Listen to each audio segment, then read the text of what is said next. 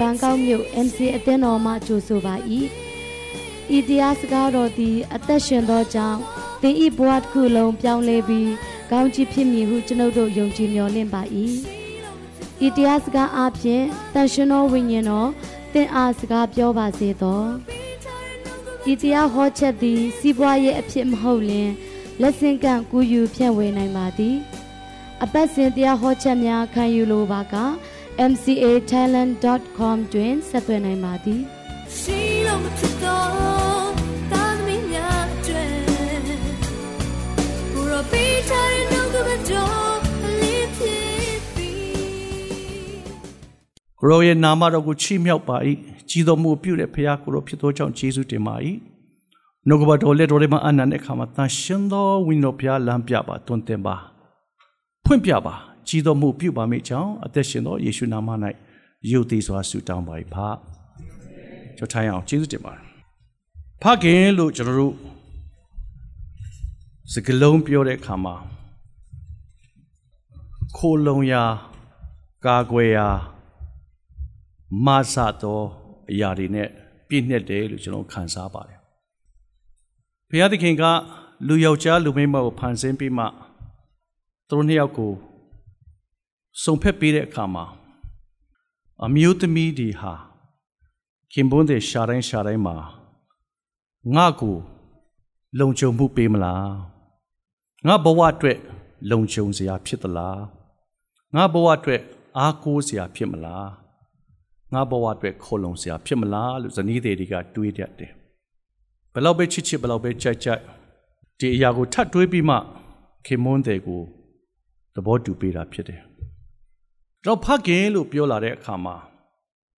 အကောင်းဆုံးသောဖခင်ဟာကျွန်တော်ရဲ့အဖထာဝရဘုရားပဲဖြစ်တယ်ဆိုတော့ပြောချင်ပါတယ်ဖခင်လို့ပြောလာတဲ့အခါမှာဘုရားသခင်ကလူယောက်ျားလူမိန်းမကိုဖန်ဆင်းတော့လူယောက်ျားကိုရှေးဥစွာဖန်ဆင်းတယ်ဆိုတော့မမေ့ဖို့အရေးကြီးတယ်ပြီးတော့မှသူ့အထဲမှာပွားများခြင်းဆိုတဲ့မျိုးကိုထည့်ပေးတာဖြစ်တယ်ကျွန်တော်ဖခင်လို့ပြောလာတဲ့အခါမှာဖခင်နေများကိုဒီနေ့ဂုံပြုခြင်းအမှုကိုပြုတဲ့အခါမှာ သခင်ခရစ်တော်က trend လို့ခေါ်တဲ့အစဉ်လာတစ်ခုကို ပြောင်းလဲစေခဲ့တဲ့ခရစ်တော်ဘုရားပြောခဲ့တဲ့စကားတစ်လုံးရှိဓမ္မဟောင်းမှာဣသေလလူမျိုးတွေကိုငါသည်ထာဝရဘုရားဖြစ်တယ်လို့ဘုရားသခင်ကအမြဲတမ်းမိတ်ဆက်ပါတယ်ဣသေလလူမျိုးတွေနှစ်ပေါင်း400ကျွန်ခံပြီးတော့ထွက်လာတဲ့ခါမှာမောရှေနဲ့သူ့ရဲ့ လူမျိုးတော်ကိုသူတင်တဲ့အရာကငါသည်ထာဝရဘုရားဖြစ်တဲ့အာဗြဟံဣဇက်ယာကုပ်တို့ရဲ့ဘုရားဖြစ်တယ်လို့အမြဲတမ်းဘုရားဆိုတဲ့နေရာမှာနေပြီးမှဩဝါဒကိုပေးတော်ခန္ဓာဖြစ်ခဲ့တယ်။သို့တော့ဘုရားသခင်ရဲ့ကြီးစုတော်ကဒီနေ့ကြီးစုတော်ကာလကိုရောက်လာတဲ့အခါမှာခရစ်တော်အားဖြင့်အဲ့ဒီထာဝရဘုရားဆိုတဲ့ယာဝေထာဝရဘုရားကိုဒီနေ့ကျွန်တော် Abba Father လို့အဖေလို့ခေါ်ရတဲ့အခွင့်ကို ပေးတဲ့ဘုရားရှင်နာမကြီးမြတ်ပါတယ်လို့မဿဲအခန်းကြီး6ကိုရောက်လာတဲ့အခါမှာသခင်ခရစ်တော်ကဆုတောင်းခြင်းပထနာတော်လို့ကျွန်တော်တို့သင်နေတဲ့အရာရှိတယ်။အဲ့ဒီနှုတ်ကပတ်တော်ကတောက်လျှောက်ခံယူခဲ့တဲ့ဂျူးလူမျိုးတွေရဲ့ဣသေလလူမျိုးတွေရဲ့ဟေဘရဲလူမျိုးတွေရဲ့ခံယူချက်ကိုလွဲသွားစေတယ်။သူတို့တွေဝန်ခံထားတဲ့ထာဝရဘုရားယာဝေထာဝရဘုရား ဖျားသည်ကောင်းကင်မှာရှိတယ်သူ့ရဲ့ခြေတရားမြေကြီးဖြစ်တယ်သူဖန်ဆင်းသောလူသားငါတို့ကဖျားလူလို့သတ်မှတ်ခြင်းခံပေမဲ့သခင်ခရစ်တော်ကသူ့ရဲ့ဆုတောင်းချက်ကိုစတင်တဲ့အခါမှာအခန်းကြီး6အငယ်9ရှမသက်ခရစ်ဖြစ်တယ်ထို့ကြောင့်တင်တို့ဆုတောင်းရမည်မှာကောင်းကင်ဘုံ၌ရှိတော်မူသောအကျွန်ုပ်တို့အဘာဆိုတဲ့စကလုံးကိုစ သွတ်သွင်းပါတယ်စပြီးတော့မိတ်ဆက်တယ်အဖေရဲ့မေတ္တာနဲ့ဖခင်ရဲ့မေတ္တာကိုကျွန်တော်တို့နားလေဖို့တွင်တင်တဲ့ဖခင်ဖြစ်တယ်ဒီတဖခင်များနေလို့ပြောလာသောကြောင့်ဖခင်များရဲ့အရောက်တိုင်းကိုဂုံပြုပါတယ်အရင်လဲဂုံယူပါတယ်ဒီနေ့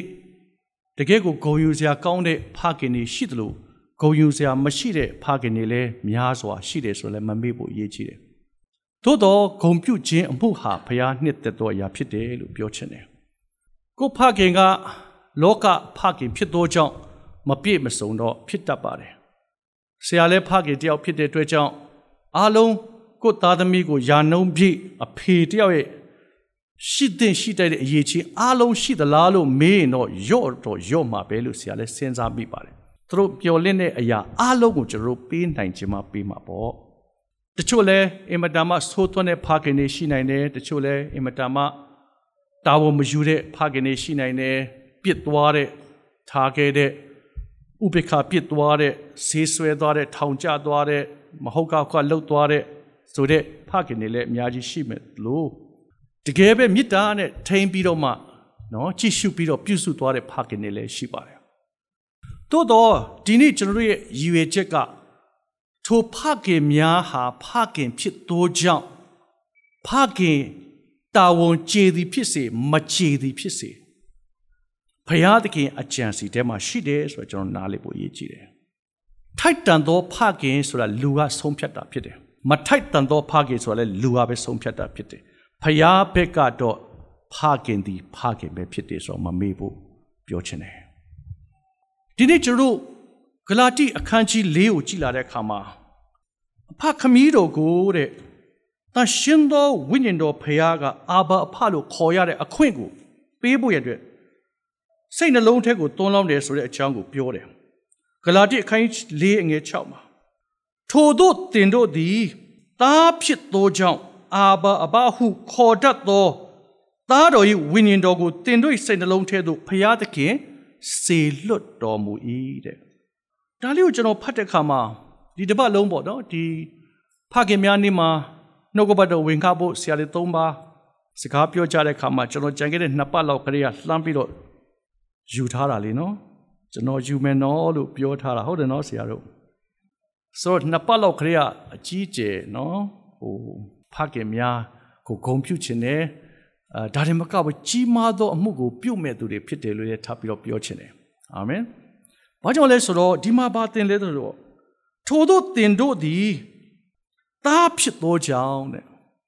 ဘာလို့တားလဲလို့ကျွန်တော်ကစဉ်းစားတဲ့အခါမှာအသက်ရှင်တော်မူသောသာရဖရာရဲ့သားသမီးတွေဖြစ်တယ်ဟာလေလုယာဓမ္မဟောင်းကာလတော့ကဘယ်ပုဂ္ဂိုလ်ကမှဘယ်ပရောဖက်ကမှဖရာသားလို့တခါမှမပြောရဘူးအင်မတန်မှလေးစားရတဲ့ဒါဝိဒ်တောင်မှပြောတာမဟုတ်ဘူး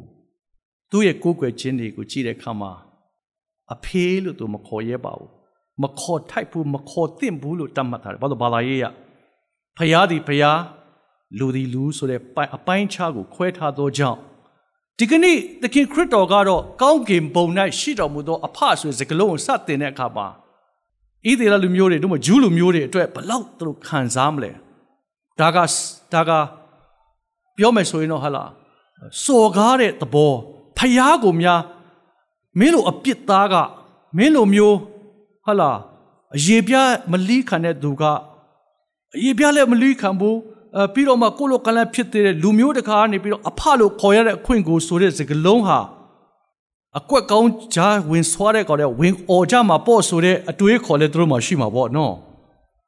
ဒါကြောင့်လဲသခင်ခရစ်တော်ကိုသူတို့များစွာသောပြဿနာလောက်တာလဲဒီစုတောင်းချက်တစ်ချက်နဲ့လဲပါပါလိမ့်မယ်သို့တော့ဒီနေ့တမန်တော်ဝုဒ္ဓ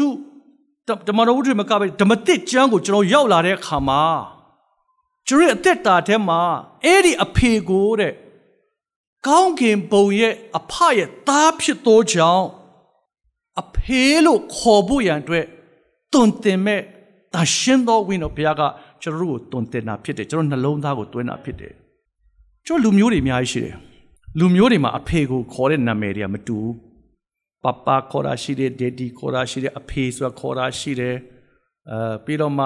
တမျိုးမျိုးပေါ့နော်ကျွန်တော်လည်းအကုန်လုံးတော့မသိဘူးပေါ့ဒါကတော့ရေဘူးရဆိုရင်တော့ဗမာဆိုတော့အဖေလို့ပြောလိုက်မှာပေါ့အပားဆိုတာတော့ကရင်လဲအပားပဲပပားဆိုတာလဲတမျိုးတွေပေါ့နော်ကျွန်တော်ဒီလာတိုင်းရင်းသားတွေအားလုံးမှာကို့အဖေကိုနာမည်လေးတွေနဲ့တက်ခေါ်ချတဲ့အခါမှာဘ ᱹ တင်တယ်လဲလို့ကျွန်တော်လဲစဉ်းစားတယ်ဘ ᱹ တင်လဲနော်မွေးထားတာကကရင် အဖေနဲ့မေကကချင်ဆိုရင်သူကအာဝါအာဝါလို့တင်လည်းမတင်ဘူးလားနော်မွေးလိုက်တာမွေးစားလိုက်တဲ့ကလေးကတော့မွေးစားတာပြောတာလေနော်မွေးစားလို့ရှိရင်ကရင်လေးတယောက်ကိုမွေးစားလိုက်တယ်နော်ကရင်လေးမွေးစားထားတယ်ဒါပေမဲ့အဖေနဲ့မေကကချင်ဆိုရင်သူကအာဝါအာဝါလို့အဖေကိုခေါ်တယ်နော်ဘုရုတင်လဲဘုရုတင်လဲအဖေနဲ့မေကတင်တာဖြစ်တယ်ဒီဒီနေ့ကျွန်တော်တို့ကိုတွင်တင်တဲ့ဘုရားကတာရှင်းသောဝိညာဉ်တော်ဘုရားဖြစ်တယ်ဟာလေလုယာ ဒါကြောင့်မို့ဒီမှာပြောတဲ့စကားတင်တို့စိတ်နှလုံးထဲဘုရားသခင်စေလွတ်တယ်တဲ့ဘုရားသခင်ကသူ့ကိုအာဘာအဖအာဘာအဖဆိုတာကကျွန်တော်ရဲ့ချစ်စနိုးအဖေလို့သူ့ရဲ့မေတ္တာကိုကျွန်တော်ခံစားပြီးတော့သူ့ကိုပြန်ပြီးအဖေလို့ခေါ်စီခြင်းသောကြောင့်ဝိညာဉ်တော်အဖြစ်ကျွန်တော်တို့သွတ်သွင်းတဲ့ဘုရားဖြစ်တယ်နော်အဲ့ဒီအရာဟာဒီနေ့တန်ရှင်းသောဝိညာဉ်ဘုရားဒီထာဝရအသက်ကိုရသောသူအရောက်တိုင်းရဲ့အသက်တာထဲမှာသားဖြစ်ရတဲ့အခွင့် ဒါတွေမကဘဲနဲ့ကောင်းကင်ဘုံ၌ရှိတော်မူသောကျွန်ုပ်တို့ရဲ့အဖခေါ်တဲ့အခါမှာနှလုံးသားတွေကအဖေလို့ခေါ်ရတဲ့အခွင့်ကိုပေးတဲ့ဘုရားရှင်ဟာသာရှင်းသောဝိညာဉ်တော်ဘုရားကြောင့်ဖြစ်တယ်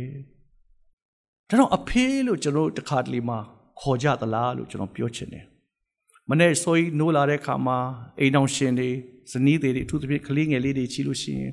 ဝန်နဲ့ဝန်နဲ့ကျွဲတဲ့အဖွဲ့တွေရှိတယ်။နော်။ ထားတာနဲ့ပဲကြောင်းကမမိတာနဲ့ပဲကလေးကိုထားပြီးတော့ဟိုဟာလို့ဟိုဒီကဝုန်းနဲ့ဝုန်းနဲ့ကျွဲရင်နေအိုးတရတာနဲ့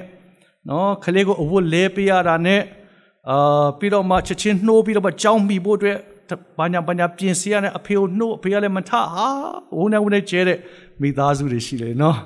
ရှိတတ်တယ်လို့ပြောတာပါရှိလည်းပြောတာမဟုတ်ပါဘူးနော်ဒီနေ့ကျွန်တော်အဖေကိုဒီနေ့အကောင်းဆုံးသောအဖေကဘာတူလဲလို့ပြောရင် ထာဝရအရှင်ဘုရားသခင်ပဲဖြစ်ပါတယ်ဒါတော့မိဘမဲ့တို့ရဲ့ဖခင်ထာဝရဘုရားဖြစ်တယ်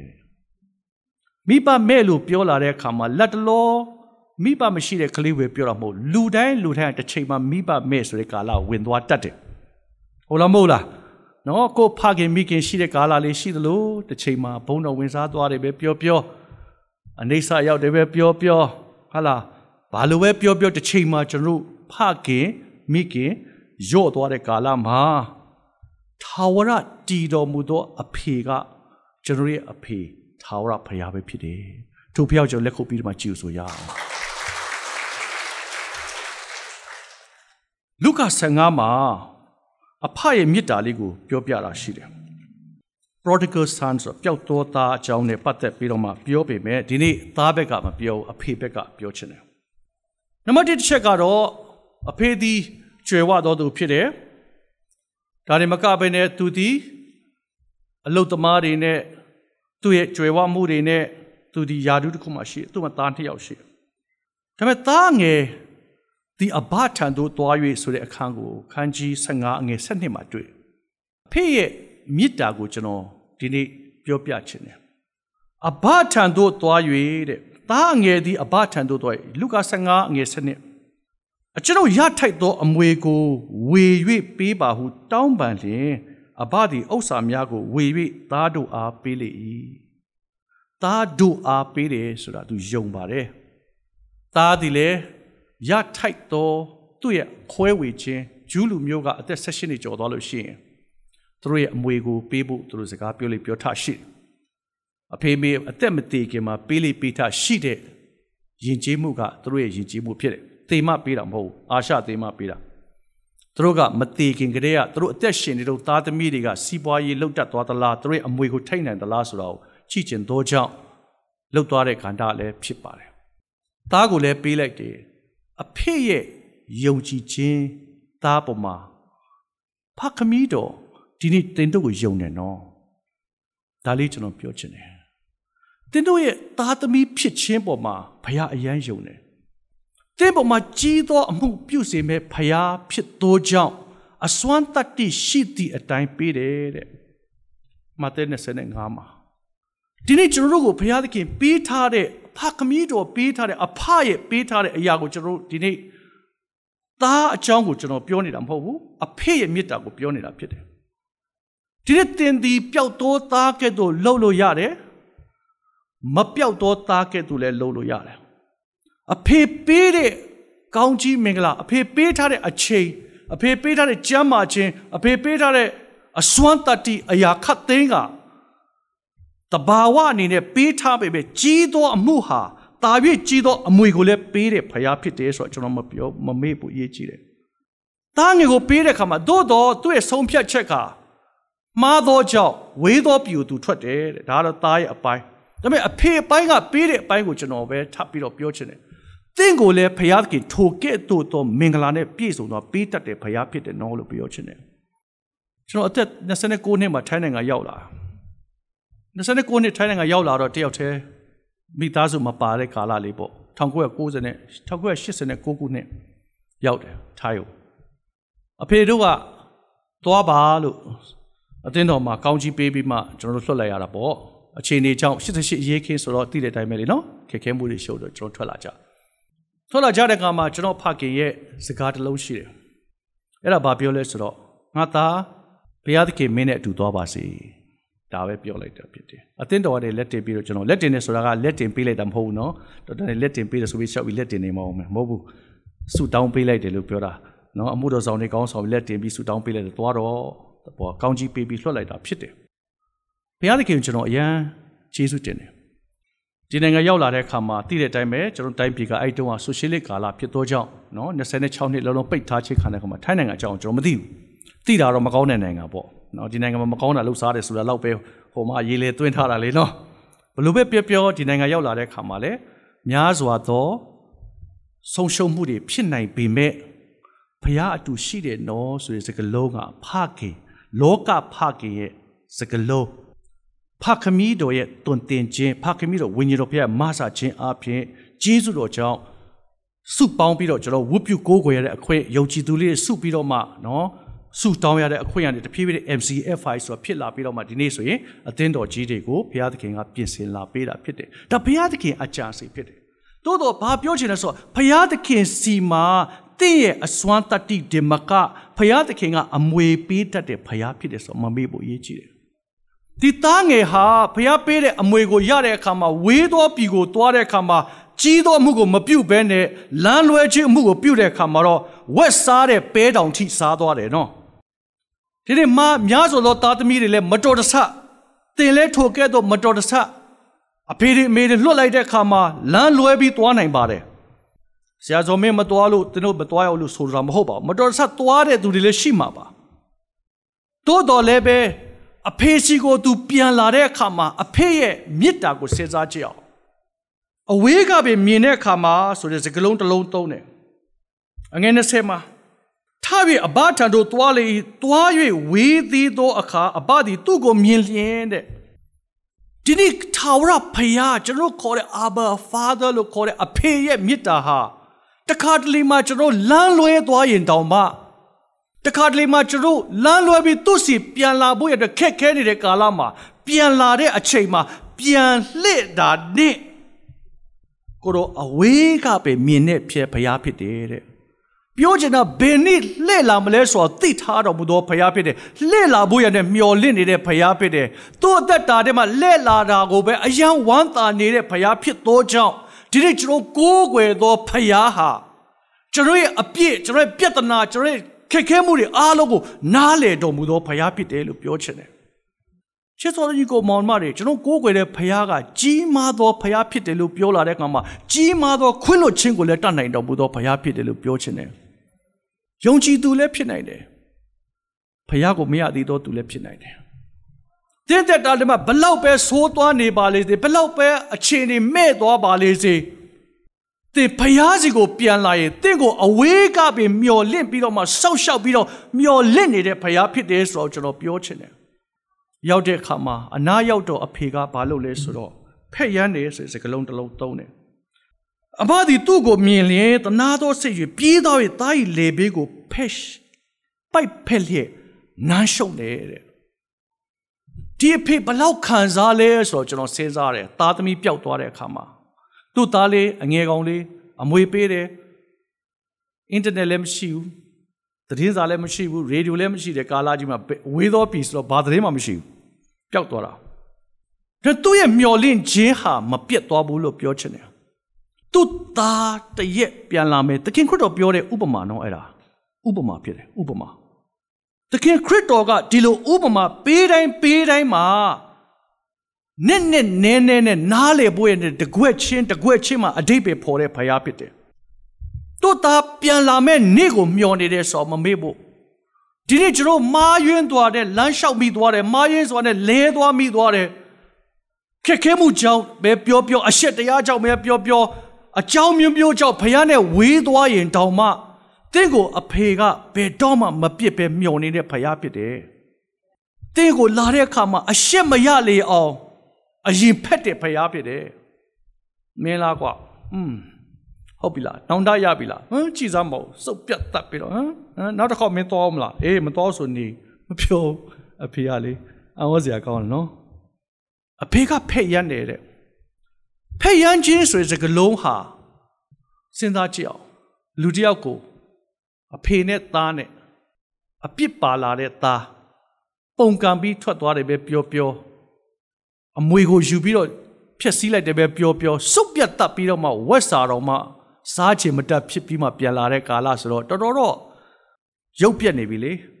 အဲ့ခက်ကအဲကွန်နဲ့မော်တကားမှမရှိပဲနော်အခုတော့အားလုံးတက္ကစီတင်လာကြတော့ရုပ်တရားအသက်ရန်သားနာနေတာလေမဟုတ်လားနော်ဒီလူတွေအားလုံးပဲဟိုအညာလိုဟာမျိုးတရားဟောပွဲလုပ်ကြည့်ဘူးလားစုပ်ပြတ်တတ်နေမှာအားလုံး နော်ဘယ်သူမှဒီအင်ဂျီရမိုးနိုင်လေနော်ချွေးတန်ရဲတဲ့ရက်တော်ခတ်ပြီးတော့ချွေးစည်းတွေထွက်တယ်ဟုတ်လားမဟုတ်လားနော်ဟိုအားတော့နာပါတယ်နော်အညာလူတွေဒါပေမဲ့ပြောချင်တာကဒီသားပြန်လာတဲ့အခါမှာတဲကန်ဒါရလူဟာမျိုးကန်ဒါရလူဟာမျိုးဒီကောင်ပြန်လာရတာလေနော်ပြီးတော့ဝက်စာစားတဲ့အဆင့်ထိရောက်နေပြီဆိုတော့သူ့အခြေအနေကအသားတော့ဖြူမယ်မထင်တော့ဘူးယူသလားပြောရင်တော့နော်အသားလည်းမွဲတဲ့ထဲမှာပါပြီရုပ်ရည်လည်း သပင်ရှည်ပါညာနဲ့ဘလို့ဖြစ်နေမလဲကျွန်တော်မသိဘူးဒါပေမဲ့အဖေသိတယ်ဒီနေ့တင့်ကိုလည်းအဖေသိတယ်ဖယားဖြစ်တယ်လို့ပြောချင်တယ်တင့်ကိုချစ်တော်အဖေတင့်ကိုနှလုံးသားနဲ့ရစ်ပတ်တော်မူသောအဖေတင့်ကိုအဖေလို့ခေါ်ခွင့်ကိုပေးတဲ့အဖေကဝိညာဉ်တော်ဖယားစကားပြောပါစေဒီကနေ့ဒါတွေမကဘူးသူရောက်လာတဲ့အခါမှာတောင်းပန်ခြင်းလုပ်တယ်ဒါကတောင်းပန်တယ်ကိုရောကျွန်တော်ခွင့်လို့ပါကျွန်တော်ဟလာပြစ်မှားသွားတယ်ဆိုတဲ့အကြောင်းပြောပြီးတော့မှအဖေက မြတ်သောဝတ်လုံကိုယူတယ်လက်စွပ်ကိုစွတ်တယ်ခြေနှင်းကိုစီးစေတယ်ဆိုတဲ့စကားလုံး၃ချက်ရှိတယ်အဲ့ဒီမှာလက်စွပ်ဆိုတဲ့စကားလုံးတစ်လုံးပြောချင်တယ်ဝတ်ယုံကိုဝတ်ခြင်းအမှုကတော့သူ့ကိုကာပေးတာပေါ့သူ့အရှက်ကွဲတာချင်းကိုကာကွယ်ပေးတဲ့ဖရားဖြစ်တယ်လက်စွပ်ကိုလွတ်ဆုပ်ပဲခြေနှင်းဆိုတော့ဂျွန်ဖနာမစီရအောင်ဂျွန်အရှက်ဖက်နေပြန်ပြီးသားအစ်စ်ကိုပြန်ပေးတယ်ဒါပေမဲ့ဒီအဖေက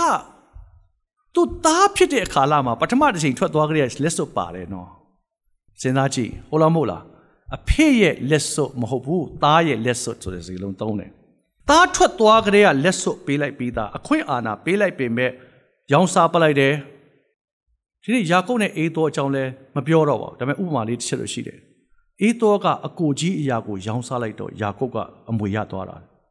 ဒါကိုဆရာတို့တစ်ချက်သိထားပြီးသားဖြစ်တယ်အကိုကြီးဖြစ်ပေမဲ့ အကိုကြီးဖြစ်ခြင်းကိုနားမလည်သောကြောင့်ပဲဟင်းနဲ့လဲလိုက်တဲ့အခါမှာယာကုပ်ကယူသွားတယ်ဒီနေ့တင့်ကိုအာဘာဖာသာလို့အဖေလို့ခေါ်ရတဲ့အခွင့်နဲ့သားအရာမှာထားတဲ့အခါမှာကျွန်တော်မယောင်းစားတတ်ဖို့မယောင်းစားပြစ်ဖို့တင့်ကိုပေးထားတဲ့အရာပေါ်မှာကျွန်တော်ဒီတံပိုးနဲ့သွာလာတတ်ဖို့ဘုရားသခင်အလိုတော်ရှိတယ်ဆိုဒီသားငယ်ကသူ့ကိုလက်စွပ်ပေးသူ့မှာလက်စွပ်ရှိပြီးသားဖြစ်မှာပါသို့တော့ပြန်လာတဲ့အခါမှာအဖေကလက်စွပ်ကို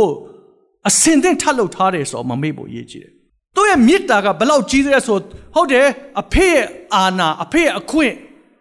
တကောအားလုံးဟာသားကဝေးသောပြည်ကိုထွက်သွားသောကြောင့်ရောင်းစားလိုက်တယ်ပဲပြောပြောဖြုံးတိလိုက်တယ်ပဲပြောပြောတန်ဖိုးမသိဘူးပဲပြောပြောဖျက်ဆီးလိုက်ပေမဲ့အဖေကပြန်လေပေးဖို့ရန်အတွက်အစင်သင့်ရှိတဲ့ဖခင်ဖြစ်တယ်ဟာလေလုယာ ကျွန်တော်ကိုးကွယ်တဲ့ဖခင်တော့ဖခင်များနေ့မှာကျွန်တော်ဂုံပြုတ်ချင်တာအဖေတွေကိုလည်းဂုံပြုတ်ချင်တယ်နော်ဖခင်များဂုံပြုတ်ချင်တယ်ဒါပေမဲ့အကောင်းဆုံးသောအဖေကထာဝရဖခင်ဆိုတာကိုကျွန်တော်မမေ့ဖို့အရေးကြီးတယ်တဲ့တဲ့တာထဲမှာဒီနေ့အရာခတ်သေးကိုတိုင်ပင်လို့ရတဲ့ဖရားဖြစ်တယ်။တဲ့ပြဿနာကိုအစွမ်းကုန်နားလေတော်မူသောဖရားဖြစ်တယ်။ကျွန်တော်ထင်ဒီသားငယ်ကိုသူချစ်တော်ကြောင့်သားကြီးကိုလည်းချစ်ပါတယ်။သားငယ်ကိုချစ်တော်ကြောင့်သားငယ်ရဲ့လက်အနေထားကိုသူသိတယ်။ လက်စွပ်ပြန်ပေးဖို့ဆိုတာကျွန်တော်ဖခင်မှာကောင်းတဲ့အချက်တစ်ချက်ရှိတယ်ကျွန်တော်ဖခင်မှာကောင်းတဲ့အချက်ရှိတယ်အသက်62နှစ်ရှိသေးတယ်နော်တော့ကျွန်တော်တည်သွားပြီထင်တယ်မမတည်သေးဘူးရှိသေးတယ်ဥတ္တမမနေ့ကပဲဥတ္တမောင်ထုံးနှုတ်ဆက်လိုက်တယ်ဒီနေ့တော့အထူးဆန်းကျွန်တော်ပို့လိုက်တယ်ကျွန်တော်ရန်ကုန်မှာပန်းလေးဘိုကေးလေးပေါ့လှုပ်ပြီးတော့မှအဖေစီမတော့ပို့ပြီးပါဆိုပြီးမှဖခင်များနေဆိုပြီးကျွန်တော်စာလေးရေးပြီးတော့ကျန်ခဲ့တဲ့နှစ်ရက်ကကျွန်တော်မှ order လုပ်ထားပြီးတော့ပို့ခိုင်းလိုက်တော့အဖေကမနေ့ကဗီဒီယိုပဲရိုက်ပြီးပြန်ပို့လိုက်တာအဲ့ဒါမကြည့်ရသေးဘူး နည်းနည်းပဲတွေ့သေးတယ်သူဗီဒီယိုရိုက်တာဆိုတော့အတန်ထွက်မှာဆိုလို့ကျွန်တော်မကြည့်ရသေးဘူးဒါအရန်ဝမ်းသာတယ်အဖေကိုကျွန်တော် အဖေနဲ့ကျွန်တော်မိသားစုကပို့လိုက်တာပေါ့နော်ဆိုတော့အဖေကကောင်းတဲ့ချက်ရှိတယ်ကျွန်တော်ဖေမှာဘာလဲဆိုတော့ तू ကသူ့သားသမီး၈ယောက်နဲတာမဟုတ်နော်သားသမီး၈ယောက်ရဲ့6ယောက် size တွေအကုန်လုံး तू သိတယ်သူ့မီးတွေ6ယောက် size ကို तू အကုန်သိတယ်အင်ဂျီလည်း तू သိတယ် तू ကကြည့်လိုက်တော့အမ်ဒါတော်မယ်ကွာအဲ့လိုဝယ်တာလေနော်85ခုနှစ်88ခုနှစ်လောက်ကသူအမေရိကသွားတယ်ဆရာဖေ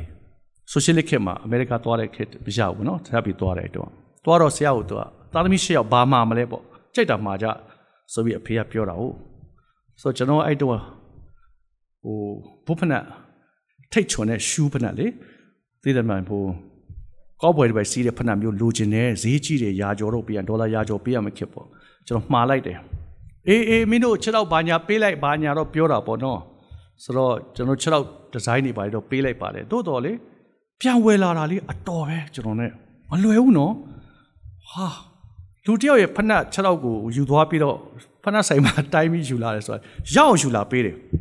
အဖေကအဲ့ဒါမျိုးအဖေမျိုးကျွန်တော်အဖေကဂုံပြုတ်ပါတယ်အဖေကိုလည်းနော်ဒါပေမဲ့ ဒီသားငယ်ရဲ့ဖခင်ကခြေထောက်ပဲဖက်နှက်ပဲပေးတာမဟုတ်ဘူးလက်စွပ်တောင်းလို့ပေးတာမဟုတ်ဘူးအရေးအရာကိုပြန်ပေးတာဖြစ်တယ်ဒီနေ့တစ်ကိုချစ်တဲ့ဖခင်ကအရေးအရာကိုပြန်ပေးတတ်တော်မူသောဖခင်ဖြစ်တယ်အဲ့ဒါကိုရအောင်ယူစမ်းပါလို့ကျွန်တော်ပြောချင်တယ်အာဘာအဖလို့ခါခေါ်ခွင့်ရတော့ဂိုယူပါဟာလေလုယာ ဒါပေမဲ့အဲ့ထက်တာ၍အရေးကြီးတဲ့အရာကအဖေစီကိုပြန်လာတဲ့အခါမှာအရောက်တိုင်းပြန်လာရတာပါပဲမဟုတ်ဘူးလားတစ်ချိန်မှာပျောက်သွားတယ်ထာဝရသက်ပြန်ရဖို့အတွက်ကျွန်တော်ပြန်လာကြတယ်ဟုတ်လားမဟုတ်လားနော်ဝန်ချတောင်းမှရှင်နဲ့ဝင်ကြတယ်ဒါကကျွန်တော်ဧဝံဂေလိသတင်းစကားမှာလည်းပါလာပြီးသားပဲအရောက်တိုင်းကပျောက်ဆုံးတဲ့ဝိညာဉ်ထဲမှာရှိပါတယ်ယင်တော့ဖသင်းမုတ်ဆရာတားမကလို့ဘာဖြစ်ဖြစ်ပါနော်အဖိုးလည်းသင်းအုပ်သားလည်းအဖေလည်းသင်းအုပ်မရပါဘူးသူလည်းပျောက်တာပဲပျောက်လည်းမပျောက်ဘူးလားအရောက်တိုင်းဟာအာဘာအဖလို့ခေါ်လို့ရတဲ့အပြင် တင်တို့အရောက်တိုင်းကိုဖခမည်းတော်ရဲ့ဂျေဇုတော်ကြောင့်အရောက်တိုင်းအတွက်ပြင်ဆင်ထားတဲ့အခွင့်အာဏာတကုတ်ကိုပေးထားတဲ့ဘုရားဖြစ်တယ်။အဲ့ဒီလက်စွပ်ကိုပြန်ပေးတယ်ဆိုတဲ့ကိစ္စကိုကျွန်တော်စဉ်းစားတိုင်းစဉ်းစားတိုင်းမှာလေကျွန်တော်ယုံမှာတစိတ်တုံးနေရှိတယ်။တစိတ်တုံးထုอ่ะ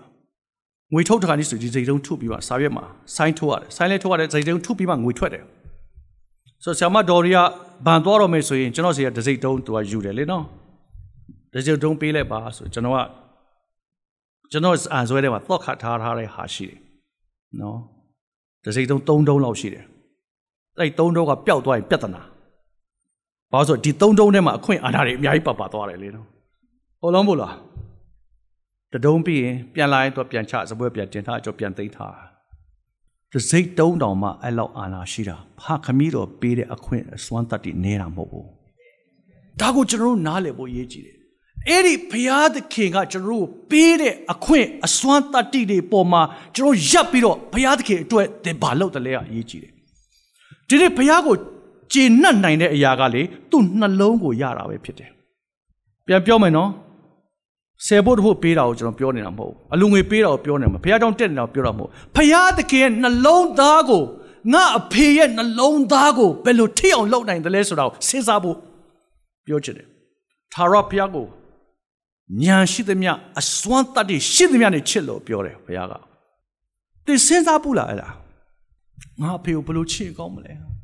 ငါအဖေဘယ်လိုတွေ့တိုင်ကောင်းမလဲအမျိုးတော်လို့ချစ်ခိုင်းတာမဟုတ်ဘူးသင်ရဲ့ဘုရားအာဘာဖာသာလို့ခေါ်ခွင့်ကိုတန်ရှင်းသောဝိညာဉ်တော်ပြဒီကနေ့သင်အဖေကိုသင်တကယ်ချစ်တယ်ဆိုရင်ဘုရားသခင်ရဲ့အလုပ်တစ်ခုခုသင်လုပ်ဖို့ထူးခြားတဲ့အလုပ်လုပ်ဖို့လိုတယ်ထူးခြားတဲ့အလုပ်လုပ်ဖို့လောလားမလို့လား အစွမ်းတတ္တိရှိသမျှနဲ့ချစ်တယ်ဆိုတာလေပေါ့ပေါ့တန်တန်လောက်ခိုင်းတာမဟုတ်ဘူးအဲ့ဒီပေါ့ပေါ့တန်တန်လောက်ခိုင်းတာမဟုတ်တော့ကြောင့်အဖေရဲ့မေတ္တာဟာကျွန်တော်ကိုစပေးခဲ့တာဖြစ်တယ်အဲ့သားငယ်ကို तू ပေးတယ်ပြီးတော့မှ तू ဘာလုပ်ပေးလဲဆိုတော့တဲ့ပွဲလုပ်ပေးတယ်တဲ့စူအောင်ကျွေးတော့နွားကိုတတ်ပြီးတော့မှတဲ့ပွဲလောက်ပြီးတော့ပျော်စမ်းမှာငကိုတော့ပျောက်သွားတဲ့သားအခုပြန်တွေ့ပြီတဲ့ဒါကတော့နောက်မှပြန်လာတဲ့စကား ဒီနေ့ဘုရားသခင်တင့်ကိုဘယ်လောက်ချစ်တယ်လဲတင့်ကိုသားရမှာထားတယ်အာကောင်းကင်ဘုံနဲ့ရှိတော်မူကျွန်တော်အဖလို့ခေါ်ခွင့်ကိုပေးစီတာမကဝိညာဉ်တော်ဘုရားကတွန်လောင်းပြီးတော့အဖေလို့ခေါ်ရတဲ့အခွင့်အဲ့ဒီဖေကတင့်ကိုအယမ်းချစ်သောကြောင့်အစွမ်းတတ္တိနဲ့အခွန်အားနဲ့အခွင့်တကူကိုပြန်ပေးတဲ့ဖရားဖြစ်တယ်။သင်အဲ့ဒီဖရားကိုဘယ်လောက်ချစ်တယ်လဲဒီနေ့ကျွန်တော်မေးချင်တယ်။ကိုရောကိုချစ်တဲ့သူကကိုရောရဲ့စကားတော်ကိုလိုက်တယ်။ ဆရာဘာလို့ဒါကိုပြောလဲဆိုတော့ကောရိန္သုဩစာပထမဆုံးအခန်းကြီး၄တိတ်မကြတော့နှစ်ချက်ကျမ်းပိုက်ဖတ်ပြီးပြီးပါပြီ။နော်။တဏှာထိုးတော့မယ်။နှစ်တစ်ကောအခန်းကြီး၄တစ်ကောအခန်းကြီး၄အငယ်15သင်တို့သည်ခရစ်တော်၏အကြောင်းကိုသင်ပေးသောဆရာတထောင်ရှိ냐တော်လဲအဘအများမရှိပြန်ပြောမယ်နော်ဒီတင်နာဘုရားသခင်ချစ်တော်သူဖြစ်တယ်ဘုရားသခင်စကားကိုနားထောင်တော်သူဖြစ်တယ်မှန်တယ် တမန်ကျမ်းစာနဲ့ဆရာလူတယောက်မှာဆရာတွေအများကြီးရှိမယ်တထောင်လောက်ရှိမယ်ဒါပေမဲ့အဖေတယောက်ပဲရှိတယ်တင်ဒီဒီနေ့ဖခင်တယောက်ဖြစ်တယ်ဆိုရင်ဖခင်ရဲ့အရေးအရာကိုလက်ခံတကဲ့သို့ကိုရောပေးတဲ့အခွင့်တကိုးကိုရတကဲ့သို့ဒီကနေ့တင်ကိုယ်တိုင်ကဖခင်ဖြစ်သောကြောင့်တင့်ကိုဖျားဘေးတဲ့မိကုန်းနှစ်ခုရှိတယ်တစ်ခုကပါလဲဆိုတော့ဆရာတထောင်ရှိ냐တော့လဲ အဘအများမရှိဘူးသင်ဟာဖခင်ဖြစ်တယ်ဆိုရင်သင်မှာသားသမီးဖျားတကအပ်ထားတယ်ဆိုရင်သင်ဟာဖခင်ပဲဆိုမမေ့ပါနဲ့ကြံခဲ့တဲ့ကာလတုန်းကဆိုရင်ခလေးမွေးအဖိုးဖွားပို့ကလေးမွေးအဖိုးဖွားပို့ကလေးမွေးအဖိုးဖွားပို့တဲ့အဖွဲတွေရှိလားမရှိလားနော်ငွေပို့ငွေပို့အဖိုးဖွားဟိုမှာထိန်အဲ့တော့ကလေးတာမွေးတာဒီမှာမွေးလိုက်ဒီမှာ production ပေါ့ ပြီးတော့ export လုပ်လို့ဘာမှပြီးတော့ပို့တာလေနော်ဟိုမှာဟိုမှာအဖွားတွေနဲ့နေဒီကငွေထပ်ပို့တယ်ဒါပေမဲ့တဖြည်းဖြည်းနဲ့ကျွန်တော်10နှစ်လောက်ရှိပြီကျွန်တော်ကြည့်လိုက်ပေါ့ကျန်ခဲ့တဲ့ပတ်ဆိုတော့ကလေးများနေ80လောက်ရှိတယ်ဒီမှာတက်လာဟာလေလုယာပဲဒီနေ့တစ်လက်ထဲကိုအပ်ထားတာသာသမီဖြစ်တယ်ဆရာအများကြီးရှိမယ်ဆန်ဒစကူဆရာရှိတယ်ကျမ်းစာသင်တဲ့ဆရာရှိတယ်သင်းအုပ်ဆရာရှိတယ်ကျောင်းမှာဆရာတွေရှိတယ်အဲ့ဒါဆရာတွေဖြစ်တယ်အဖေမဟုတ်ဘူး သင်ကိုဘုရားသခင်အပ်ထားတာသင်ဒီအဖေဖြစ်တယ်မမေ့ပါနဲ့ကိုသားသမီးကိုဘုရားသခင်ယုံသောကြောင့်အမွေစုအနေနဲ့အပ်ထားတာဖြစ်တယ်129ခုမြောက်သောစာလမှာရေးထားတယ်ဘုရားသခင်သင်ကိုသိတယ်သူ့အတွက်ငါအမွေပေးမယ်အဲ့ဒါသားသမီးဖြစ်တယ်တော့ဒီမှာရှိတဲ့ဖခင်များအရောက်တိုင်းဘုရားသခင်အမွေပေးထားတယ်ဒါကိုနံပါတ်1သိပါနံပါတ်2ပါပြောလဲသိလားအငယ်16သမရိရှိပေါလုကပြောတယ် ငါကျင့်သည့်ဤသူတင်တို့လဲကျင့်ပြီးအကြောင်း be a good example ကောင်းသောဖခင်ဖခင်ကိုဖခင်ရှေ့မှာဝန်ခံတကဲ့သို့သားသမီးတွေကိုကိုကြည့်တဲ့အခါမှာငါဖခင်ကစံပြဖခင်ဖြစ်သလားဆိုတဲ့မေးခွန်းကိုကျွန်တော်မေးချင်တယ်စံပြဖခင်ဆိုတဲ့အဆင့်ကိုမိချင်းမမိပါမယ်ဒါပေမဲ့သူတို့စိတ်ထဲမှာ အရေးအကြောင်းရေးဆိုရင်ဖခင်စီကိုပြေးလာချင်သလားဆိုတာအရေးကြီးတယ်အားကိုးလို့ရတဲ့ဖခင်စီကိုသားသမီးတွေအမြဲတမ်းပြေးလာတတ်တယ်တခုခုကြုံလာတဲ့အခါမှာမိသားစုတဲ့အတူနေတဲ့ခါမှာတော့တိတ်ပြီးတော့မခံစားတတ်ဘူးအဖေကရှိနေတာကိုအမြဲတမ်းအမေလည်းရှိတာကိုဒါပေမဲ့တယောက်တည်းနေတဲ့ကာလမှာတယောက်တည်းခွဲပြီးသွားတဲ့ကာလမှာတခုခုကြုံလာရင်သင်ဟုတ်ဆရာစီကို तू ပြေးသလားလမ်းဘေးကစိုက်ကားဆရာစီ तू ပြေးသလားသူ့တငယ်ချင်းစီ तू ပြေးသလား ဒါမှမဟုတ်အဖေစီကိုလာသလားအဲ့ဒါကိုသားသမီးတွေနဲ့ဆိုင်တဲ့အရာဖြစ်တယ်ကိုသားသမီးတွေကအဖေကိုလေးစားတယ်အဖေဟာစံပြဖြစ်တယ်အဖေစီမှာထူးခြားသောစကလုံးထူးခြားသောဩဝါဒထူးခြားသောအရာရှိတယ်ဆိုရင်သားသမီးတွေဟာရုပ်ရှင်မင်းသားမင်းသမီးတွေကိုသူတို့အရေးအလေးထားမှာမဟုတ်ဘူးတငယ်ချင်းတွေရဲ့ပြောစကားကိုအလေးထားမှာမဟုတ်ဘူး တခြားဆရာတွေပြောတဲ့စကားအထက်ဖခင်မိခင်တို့ရဲ့စကလုံးပေါ်မှာပဲသူတို့ရကြမှာဖြစ်တယ်တော့တမန်တော်ရှင်ပေါလုကငါကျင့်သည့်နီးတူတင်တို့ကျင့်ကြလောလို့ပြောလာတဲ့အခါမှာသူ့ရဲ့သားသမီးတွေရှေ့မှာငါကျင့်တယ်လို့မင်းတို့ကျင့်စမ်းပါကွာလို့ပြောရဲတဲ့ပုံကိုဖြစ်တယ်နော်အဖေဆက်လိုက်အဖေကရက်တော့တယ်ဆက်လိုက်တော့တော့သားကပြောတယ်ကျွန်တော်လည်းတောက်ချင်တယ်မင်းဆက်ရှစ်နဲ့မပြည့်သေးဘူးဒီလိုတင်တဲ့အဖကနေရှိလားမရှိလား မင်းဆက်ရှစ်နဲ့မပြည့်သေးဘူးဆိုတော့ဘာပြောကြတယ်လဲဆက်ရှစ်နဲ့ပြည့်တောက်လို့ရပြီဆိုတာပြောတာဖြစ်တယ်အဲ့တော့ကလေးကတေးထားတယ်โอเคဆက်ရှစ်နဲ့ပြည့်တဲ့နေ့မှာတော့ငါချဲပြီပဲဒီနေ့များစွာသောဖခင်တွေကတခါတလေမှနောက်ွယ်မှာလှုပ်တာတွေရှိတယ်ကလေးတွေကိုပေးမသိဘူးနော် ခိုးကြောင်ခိုးဝဲနဲ့လောက်တာတွေရှိတယ်ကလေးတွေပေးမသိနဲ့ကလေးတွေသိတာမကောင်းဘူးမလေးသူတို့သွားမပြောနဲ့သူတို့တွေမှားငါပဲခံမယ်ငါလှုပ်ချင်တာလှုပ်တာမင်းတို့အတွက်ကြောင့်မလာလိုက်သေးတယ် ခိုးတယ်ဝက်တယ်လှီးတယ်လောဘနဲ့ဟိုဟာစာဒီယာစာသားသမီးတို့ကျွန်တော်မပြောရတဲ့ဖခင်တွေမဖြစ်ဖို့ဒီနေ့စကားပြောပါစေတော့ဖခင်လို့ပြောလာတဲ့အခါမှာသင်ဟာဘုရားသခင်ရှေ့မှာဝန်ခံတော်သူဘုရားကိုအစွမ်းတတ်တဲ့ကြည်တော်သူကပောက်ကျန်ခိုင်း6မှာနောအေးကြောင့်လေးပြောတာရှိတယ်ဆရာမဖတ်တော့နောအေးကြောင့်ပြန်ဖတ်ကြည့်နောအေးရဲ့ obedient လို့ခေါ်တဲ့ဝန်ခံခြင်းကြောင့် သူ့ရဲ့ဇနီးတဲ့သူ့ရဲ့သား3ယောက်နဲ့ချွေးမ3ယောက်အလုံးပေါင်း9ယောက်10ယောက်ပေါ့နော်သူ့ရဲ့ဝန်ခံခြင်းဟာဖျားပေါ်မှာသူယုံသောကြောင့်ဖြောင့်မတ်တော်သူမရှိဘူးတဲ့သူ့ကိုငါတွေ့တယ်တဲ့ဖခင်ဆိုတဲ့လူဟာကိုယ်သားသမီးအတွေ့အကောင်းဆုံးသောမင်္ဂလာ အကောင်းဆုံးသောကွယ်ကာယာအကောင်းဆုံးသောအိုးဝါဒနဲ့ပြင်ဆင်တော်သူဖြစ်ဖို့ပြင်ဆင်ကြရအောင်ပျောက်သောသားက တင်ထွက်သွားရင်ပြန်လာပါဖခင်တို့စောင့်နေတယ်ဒါတစ်ချက်တင်ဒီကိုယ်တိုင်ဖခင်ဖြစ်သောကြောင့်ကိုသားသမီးပေါ်မှာအကောင်းဆုံးတက်တည်ပြုသောနောအေးကဲ့သို့၎င်းဒါတွေမကပဲနဲ့ကြီးသောအမှုအမြဲတမ်းပြုတ်တတ်တဲ့သူတွေပေါ်မှာယက်တီတတ်ဖို့အရေးကြီးတယ်အဖေဟာကောင်းသောအဖေတွေဟာအမြဲတမ်းသားသမီးတွေအတွက်အကြီးမားဆုံးသောနှလုံးသားနဲ့ယက်တီတော်သူဖြစ်တယ်မှန်တယ် ကျန်တဲ့ပတ်တော့ကျွန်တော်စာလေးဆောင်ဖတ်တယ်အရန်တော့မမှတ်မိတော့ဗမနေလေးလောက်မှတ်မိတယ်ဖခင်တွေကကလေးတွေကို one bite နဲ့တော့မလွယ်ပါဘူးတဲ့မိခင်နဲ့ one bite နဲ့လွယ်တယ်လေနော်ဖခင်တွေကခေါင်းနဲ့လွယ်ထားရတာမမင်းနဲ့တဲ့ပြောချင်တာကသူတို့ရဲ့စိတ်ပူပန်ခြင်းတွေအားလုံးကခေါင်းထဲမှာရှိတာဟုတ်တယ်နော်ဒါကြောင့်မလို့ခင်မွန်းတယ်တွေကအိမ်တော်မကြခင်မှာတော့ဇနီးတွေကိုပထမနေရာမှာဦးစားထားတယ်အိမ်တော်ကြသွားပြီးတဲ့အခါမှာသားသမီးများရလာလို့ရှိရင် ဒီသားသမီးတွေအတွက်ပထမဦးစားရောက်သွားတော့ဇနီးတွေသိမကြည်နာဘူးဒုတိယတိုင်းရောက်တယ်လို့ခံစားတတ်တယ်လေနော်ဟုတ်တယ်မလားဘာလို့ဆိုကလေးရလာပြီဆိုတာနဲ့ကလေးတွေရဲ့နေဖို့ထိုင်ဖို့ကြောင်းထားဖို့ကအစကလေးမွေးတာနဲ့ငါဒီကလေးကိုဘယ်လိုကြောင်းထားမလဲဆိုတာအဖေတွေစဉ်းစားတယ်ဟုတ်လားမဟုတ်လားဆရာရဲဦးဟမ်မဟုတ်တော့ကလေးပေမဟုတ်နော်ဒီနေ့ကျွန်တော်များစွာသောအဖေတွေကနောက်လုံခြုံရေးကိုကျွန်တော်စဉ်းစားတဲ့စဉ်းစားတဲ့မှာ အိမ်မရှိသေးဘူးဆိုအိမ်လေးစဉ်စဉ်းစားကြတယ်အလုတ်လေးတေချာဖို့ရောက်နေအလုတ်လေးတေချာကြတယ်သားသမီးတွေပညာရေးကိုစဉ်းစားကြတယ်ဖခင်ဆိုတာထိုကဲ့သို့သောနှလုံးသားနဲ့သွားသောသူတွေဖြစ်တယ်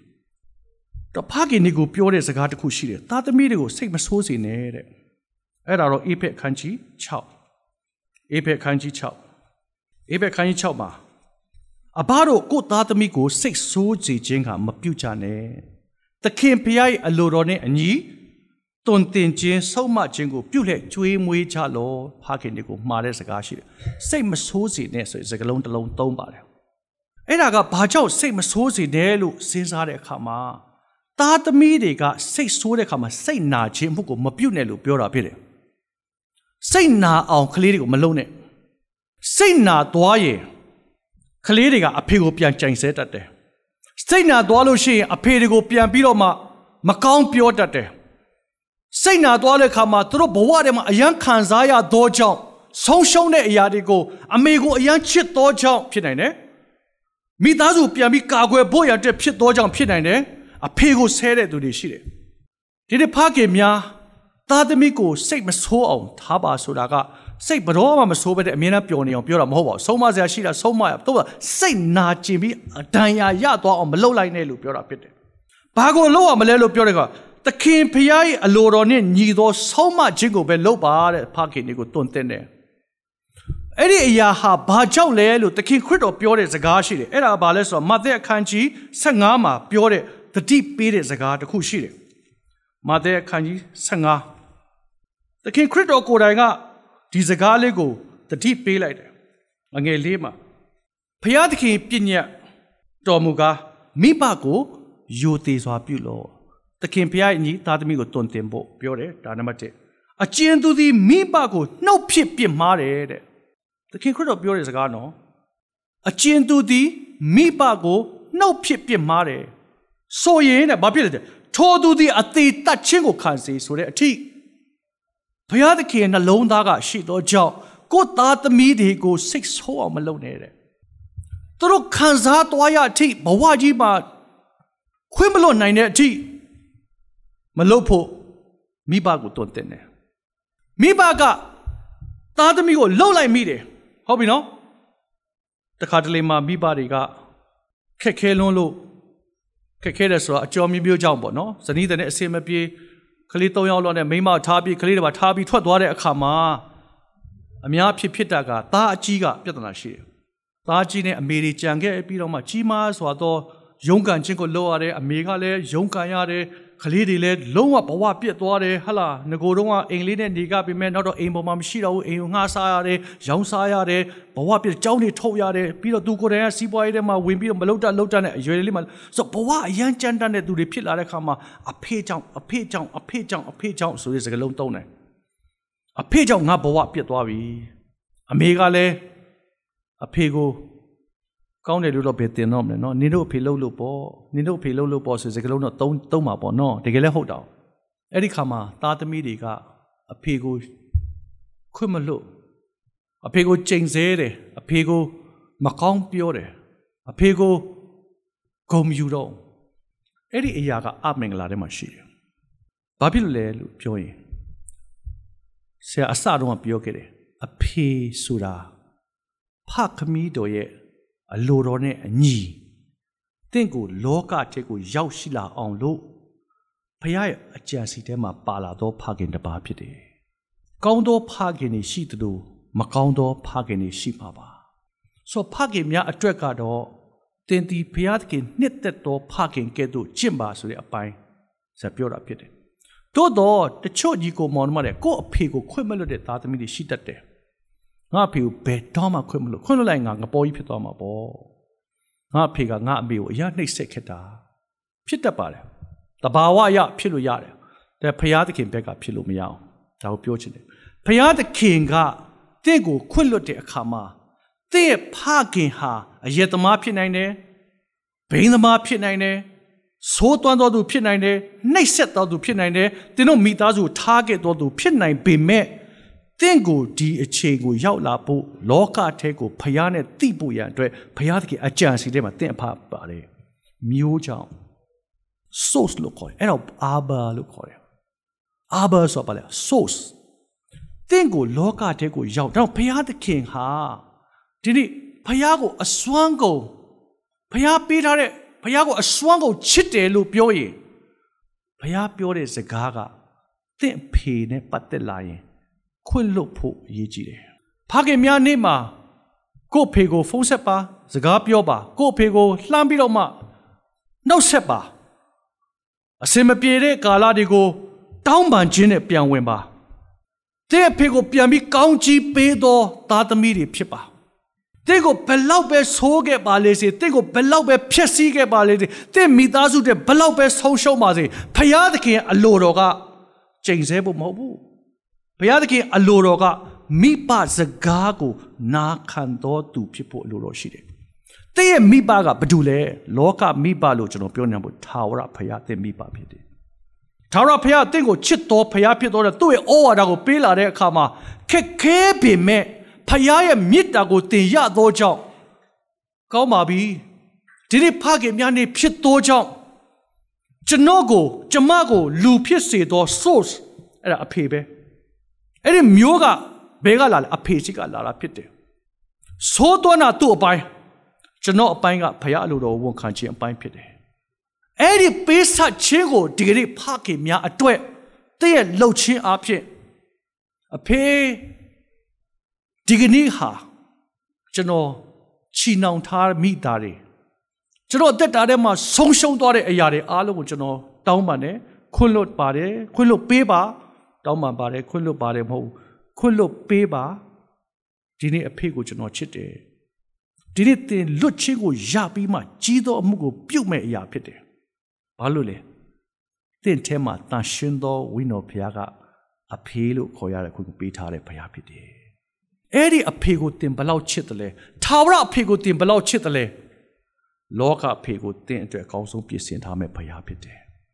တင့်ဖေပြောင်းလဲဖို့ရအတွက်အချိန်တွေအများကြီးရှိတယ်သင်ဖေတွေများဆိုတော့ဖခင်တွေကတခါတလေမှာစာတန်ရဲ့လှည့်ကွက်ကြောင့်အခြေအနေမျိုးမျိုးကြောင့်မှားသွားကောင်းမှားသွားပေမဲ့ဖယားကိုတိတော့ဖယားကိုဝန်ခံတော့ဝိညာဉ်တော်နဲ့ပြည့်တော့သာသမီးအဖြစ်ကြီးသောအမှုကိုလည်းဖယားရှင်ပြုနိုင်တယ်ဒီနေ့ဖခင်များကိုဂုဏ်ပြုရအောင်အရောက်တိုင်း ကိုဖခင်စီမှာစာရေးပါစကားလေးပြောပါဖုန်းဆက်ပါအဖေကိုချစ်တယ်လို့ပြောပါအဖေအတွက်အကောင်းဆုံးတစ်ခုခုကိုလုပ်ပေးပါသင်အဖေအတွက်အကောင်းဆုံးလုပ်ပေးနိုင်တဲ့အရာကခွင့်လွှတ်ခြင်းဖြစ်နိုင်တယ်သင်အဖေအတွက်အကောင်းဆုံးလုပ်ပေးတဲ့နေရာလေးကအဖေကိုသားချစ်တယ်နော်သမီးချစ်တယ်နော်အဖေလိုတာရှိရင်ပြောပါအဖေမလိုတာလည်းကျွန်တော်ပေးမယ်အဖေနှလုံးသားထဲမှာဘာရှိတယ်လဲသင်သိလိမ့်မယ် ဖခမီးတွေနှလုံးသားဟာသင်အဖေအတွက်သင်ကိုမွေးဖွားပေးတာဖြစ်တယ်ရောက်တဲ့ဖျားရှင်ကောင်းကြီးပေးပါစေကျွန်တော်အလုံးမထားပြီးမှကျွန်တော်ဆက်ကရအောင်အဖဖျားသခင်ကြီးသောအမှုကိုပြုတ်တတ်တဲ့ဖျားသည်ကိုတော့ဖြစ်သောကြောင့်လောကထဲမှာများဆိုသောအခြေအနေတွေရှိပေမဲ့ကိုဖခင်အတွက်အကောင်းဆုံးပြင်ဆင်သောဖျားသည်ကိုတော့ပဲဖြစ်တယ်လို့ဝန်ခံပါ၏ဖခင်များကိုဂုဏ်ပြုပါ၏လောကအနေနဲ့ကောင်းသောဖခင်တွေရှိပါတယ် သို့တော့သိုးသွမ်းမိသောဖခင်တွေလည်းရှိပါတယ်ကိုယ်တိုင်ကိုတော့အလိုတော်တမန်တရားကိုသိပြီးလိုက်လျှောက်သောဖခင်များဖြစ်စီပါမိကြောင်းကောင်းချီးပေးသလိုသားသမီးအရောက်တိုင်းအသက်တာတွေမှာဖခင်ကိုကောင်းချီးပေးတတ်သောအမိကိုကောင်းချီးပေးတတ်သောဘုန်းတော်ထင်ရှားသောသူများဖြစ်စေပါမိကြောင်းယနေ့ဖခင်များအရောက်တိုင်းကိုဂုံပြု၍ကျေးဇူးချီးမွမ်းသလိုသုံးပါးဆုဖြစ်တော်မူသောခမည်းတော်ဖခင်အထံတော်ပါမှမြစ်တာတော် သားတော်ဖခင်ကျေးဇူးတော်တန်ရှင်သောဝိညာဉ်တော်ဖခင်လမ်းပြပို့ဆောင်မိသားဖွဲ့ခြင်းသည်ကြီးသောမှုပြုပါမိအကြောင်းယခုချိန်မှစလက်ကာလအစဉ်မြဲတည်ရှိတည်မြဲပါစေသောအာမင်